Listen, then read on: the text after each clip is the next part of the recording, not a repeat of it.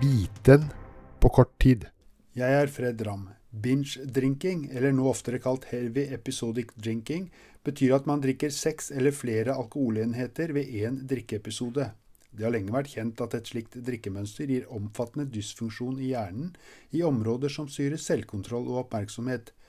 En nylig publisert studie fra universitetet i Sussex viser i tillegg at også evnen til empati svekkes. Studien er gjort der både deltakere og kontrollgruppe var edru. Heavy episodic drinking Gruppen klarte i mindre grad å ta en annens perspektiv og forstå en annens smerte. Ved funksjonell MR viser denne gruppen også en økt aktivitet i områder i hjernen som gjenkjenner kroppsdeler. Forskerne påpeker at empatien fortsatt er der, men at hjernen må arbeide mye hardere, altså bruke mer hjerneressurser, for å ta fram denne empatien. I tillegg skjer det hele mer langsomt.